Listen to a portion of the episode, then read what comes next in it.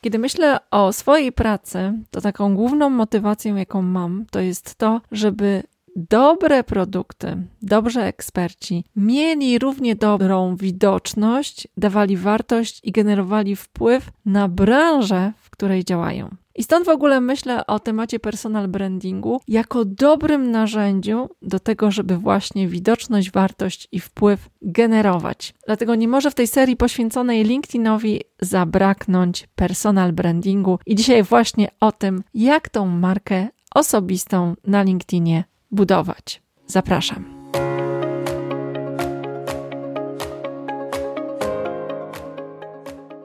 Cieszę się goszcząc Cię w kolejnym epizodzie drugiego sezonu poświęconemu LinkedInowi. Ja nazywam się Angelika Chimkowska. Jestem strateżką silnych marek osobistych i firmowych. Na co dzień prowadzę firmę Silna Marka, gdzie działamy z osobami indywidualnymi, ekspertami, firmami i dużymi korporacjami, również w temacie budowania silnych marek w personal brandingu, employer brandingu czy employee advocacy. A Ty słuchasz drugiego sezonu podcastu w którym rozmawiamy właśnie o LinkedInie, a że ostatnio w październiku wydałam z wydawnictwem NT Business książkę LinkedIn w praktyce, to to, co tutaj robimy, jest wyłącznie praktyką.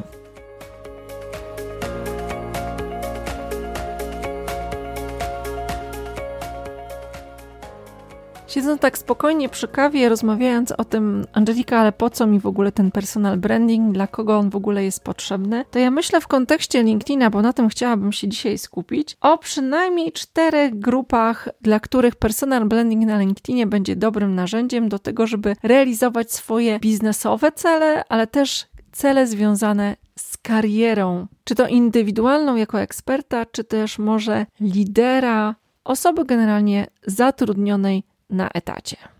Pierwsza grupa to zdecydowanie osoby, które są zatrudnione w dużych organizacjach, w korporacjach, i tutaj personal branding pełni dwie role. Z jednej strony pozwala zakomunikować światu, czym się zajmujemy i że w ogóle istniejemy, i że temat, którym się zajmujemy, jest ciekawy, a my jesteśmy ekspertami, i to, to jest taki komunikat do zewnątrz. A druga rzecz to często osoby pracujące w dużych organizacjach więcej dowiadują się o tym, co się dzieje wewnątrz firmy z LinkedIna, niż z komunikacji wewnętrznej. Więc jeżeli pracujesz na etacie w dużej organizacji, to miej świadomość, że Twoja obecność na LinkedInie nie tylko buduje na zewnątrz Twoją widoczność, ale generuje też widoczność do wewnątrz, a to w praktyce oznacza zaangażowanie w lepsze projekty, lepszy network, lepszą widoczność, no i pewnie finalnie również i status.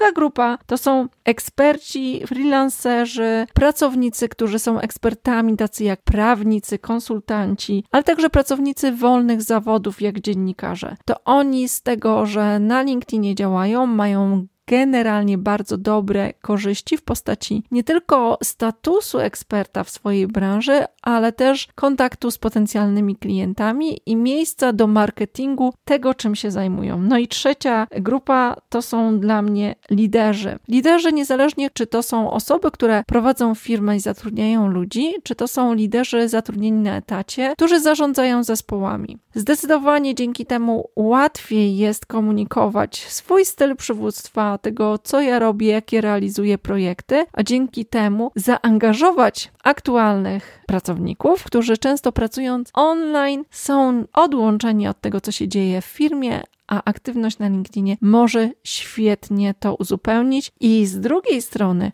pozwala to również zrekrutować właściwe osoby do nas, do firmy, dzięki temu, że pokazujemy, jak na co dzień pracujemy. No i czwarta grupa to jest CEO. Sama zajmuje się personal brandingiem prezesów, prezesek, czyli tak zwanym CEO brandingiem. W tym zakresie robię doktorat i z tego powodu ten temat jest dla mnie bardzo ważny. I tak jak patrzę na ekosystem mediów społecznościowych, to póki co nie widzę lepszego miejsca, żeby budować swoją markę osobistą właśnie foundera, lidera firmy, liderki firmy, niż na LinkedInie, platformie, która jest temu tematowi poświęcona. Na razie póki co nie znalazłam znalazłam dobrych przykładów na TikToku, ale jeżeli taki przykład widziałeś lub widziałaś, to koniecznie daj mi znać, bo jestem tym żywo zainteresowana.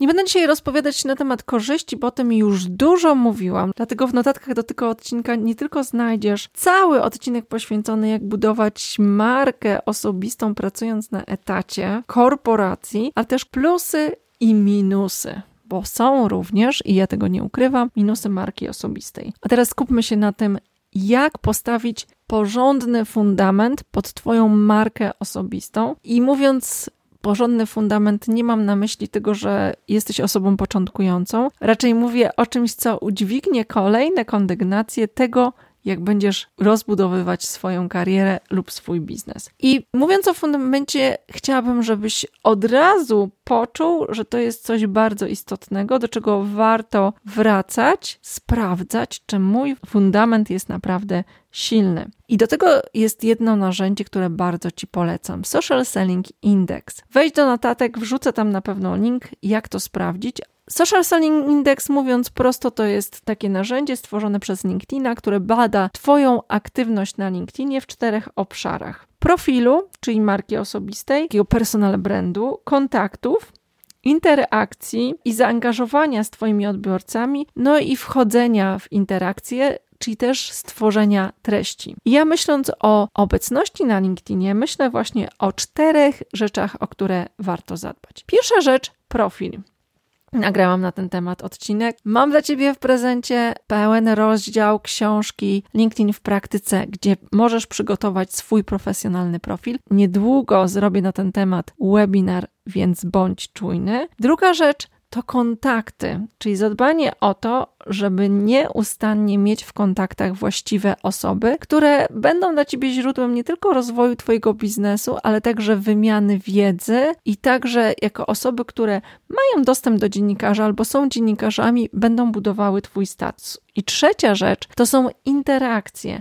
Bądź aktywny na LinkedInie, dziel się wiedzą w komentarzach lajkuj, komentuj, gratuluj osobom, które są ważne dla ciebie biznesowo i dawaj wartość, bo dzięki temu zbudujesz swoją widoczność. I czwarta rzecz, często mówię, że w świecie wirtualnym nie jesteś tym, co wiesz, ale tym, co publikujesz. I na tej bazie osoby, które Ciebie widzą, tak Cię postrzegają. Dlatego, jeżeli chcesz mieć silną markę osobistą, chcesz budować świadomie swój personal brand na LinkedIn, musisz tworzyć treści.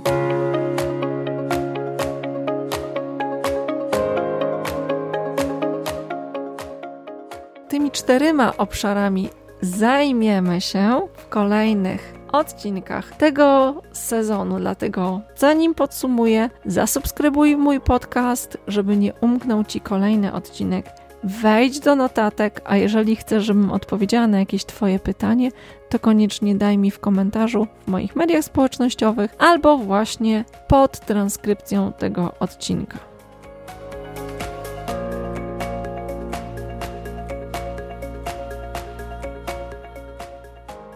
Podsumowując, Personal branding na LinkedInie to użyteczne narzędzie do budowania Twojej widoczności, dawania wartości i generowania wpływu dla osób, z którymi współpracujesz, którymi chcesz coś sprzedać i którzy są dla Ciebie klientami. Są cztery obszary, którymi musisz się zająć. Zacznij od pierwszego z nich, dlatego wejdź do notatek w tym odcinku i pobierz sobie darmowy rozdział, cały darmowy rozdział, nie tylko fragment i stwórz swój profesjonalny profil na LinkedIn.